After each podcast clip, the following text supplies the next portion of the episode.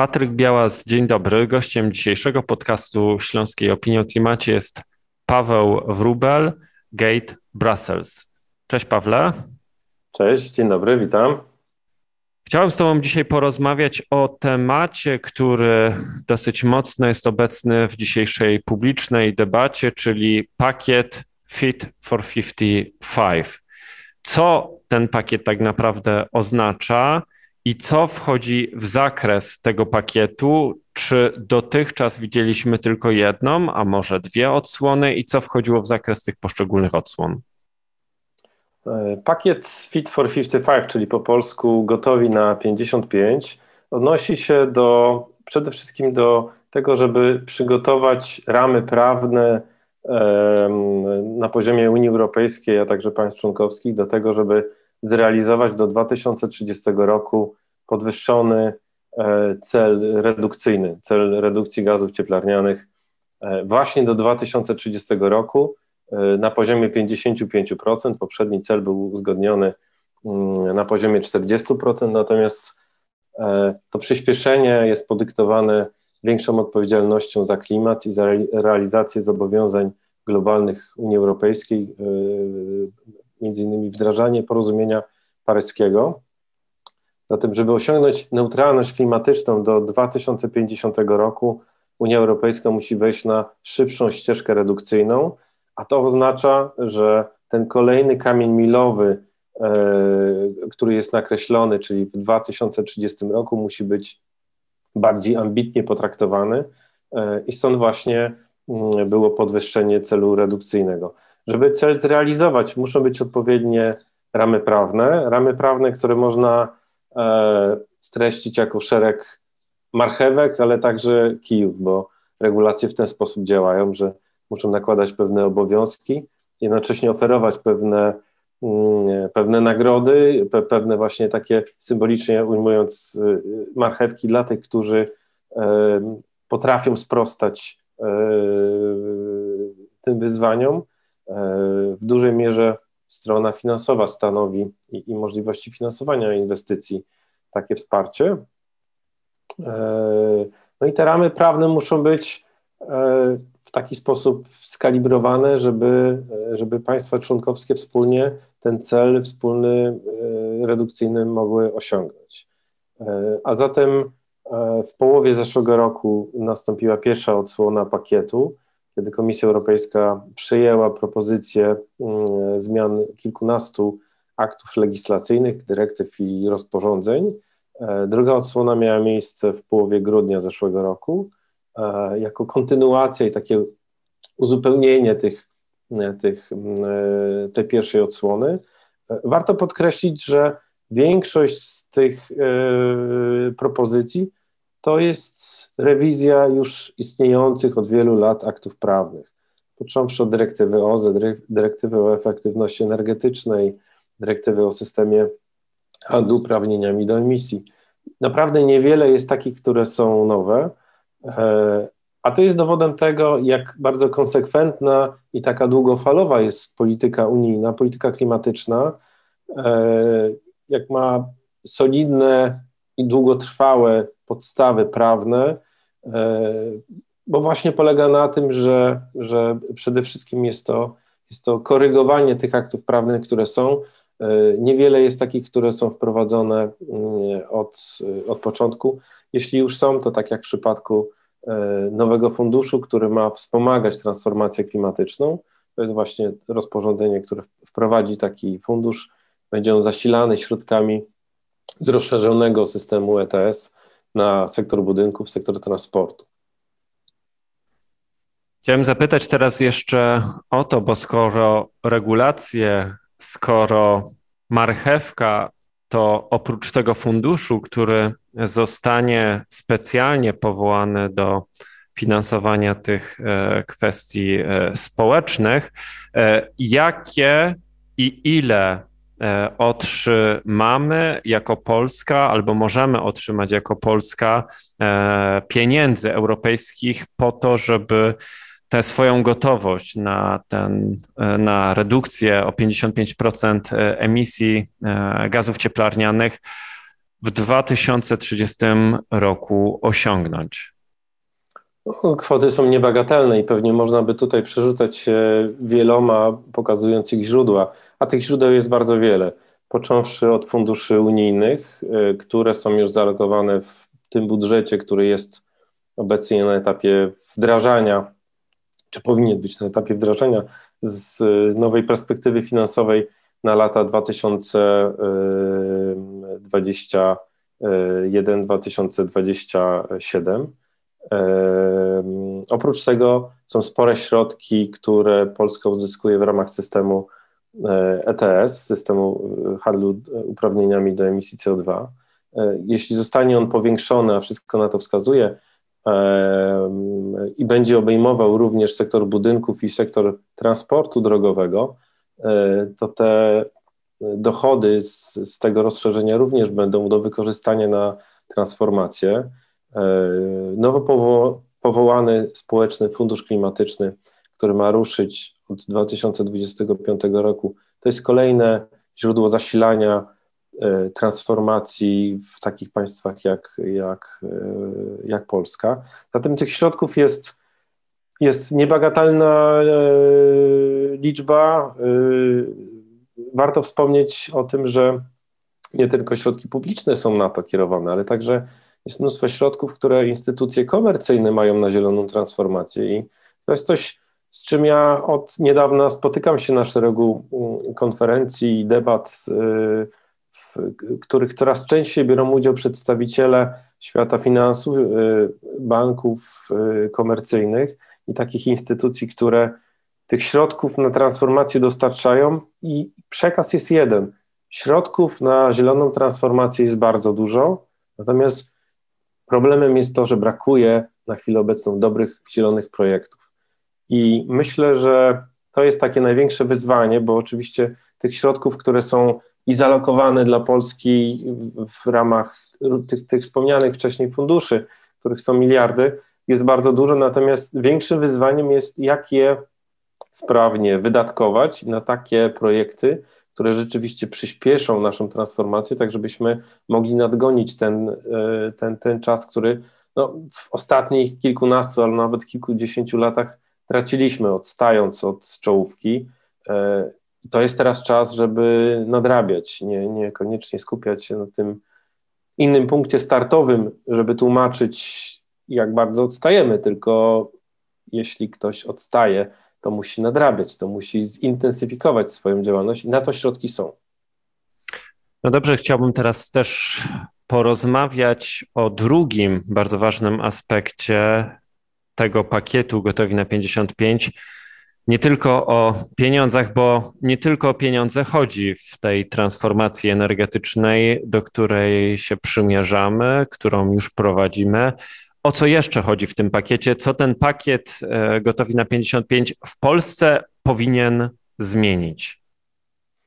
Znaczy, pakiet zmienia przede wszystkim podejście, które jest prezentowane w ramach unijnych polityk, unijnych regulacji w różnych obszarach, począwszy od klimatu, przez energię, ale też przez przemysł, przez finanse. E, bo on tak naprawdę integruje te wszystkie polityki i, i e, kwestiom klimatycznym nadaje bardzo wysoki priorytet. Zatem pewne działania, które dotychczas były realizowane również jako wynik wdrażania unijnych e, regulacji w takim odosobnieniu, na przykład polityka dekarbonizacyjna, czy działania związane z efektywnością energetyczną bądź rozwijanie MOZE, E, teraz są dużo bardziej powiązane. Mm, przedstawię na przykładzie budynków, które wchodzą jako taki jeden z najbardziej energochłonnych sektorów w centrum działań e, unijnej legislacji, albowiem te działania właśnie, które e, powinni, powinniśmy podejmować, żeby realizować cele klimatyczne, nie powinny być w odosobnieniu, czyli już nie chodzi o tą efektywność energetyczną, e, którą, którą trzeba e, wdrażać na poziomie e, termomodernizacji w oderwaniu od dekarbonizacji źródeł ciepła, czy w oderwaniu od rozwijania OZE na przykład jako prosumenci w budynkach jednorodzinnych czy wielorodzinnych. Więc to zintegrowane podejście to jest, to jest coś, co jest symbolem pakietu Fit for 55. Jeśli dodamy do tego, do tych głównych komponentów, które właśnie można, e, można wyróżnić jako dekarbonizacja, jako efektywność energetyczna i rozwijanie OZE, e, przekierowanie strumienia środków finansowych na to, żeby takie e, możliwie kompleksowe e, działania w tych trzech obszarach prowadzić, to jest to, to jest to rzeczywiście podejście, które, które ma zapewnić sukces i właśnie tą szybszą realizację tych zwiększonych ambicji, tak? bo, bo na to, na co warto zwrócić uwagę w kontekście pakietu Fit for 55, że on nie tylko stawia wysoko poprzeczkę, jeśli chodzi o poziom ambicji, ale także jeśli chodzi o okres czasu, który będziemy mieli, żeby te ambicje zrealizować. Bo mm, jeśli mówimy o roku 2030, to tego czasu zostało niewiele. Proces legislacyjny e, unijny cechuje się tym, że trwa, tak jak w państwach członkowskich zresztą. E, I pewnie takie formalne zatwierdzenie wszystkich aktów prawnych ich wdrażanie będzie miało miejsce najszybciej w roku 2023. W niektórych przypadkach pewnie 2024. Natomiast nie ma czasu do stracenia. Te główne kierunki są znane, główne mm, założenia pakietu, które, e, które będą obowiązywać, e, również można, można jasno przewidzieć.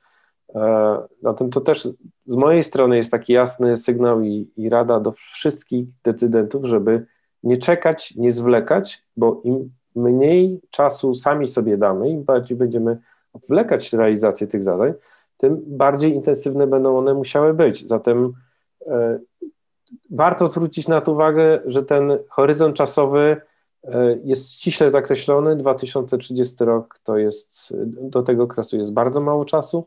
Im szybciej weźmiemy się mm, e, za wdrażanie tego pakietu czy postanowień pakietu, tym, tym będziemy mieli tą drogę ułatwioną. Wspomniałeś o tym, że my, im szybciej my weźmiemy się za wdrażanie tego pakietu, tym lepiej.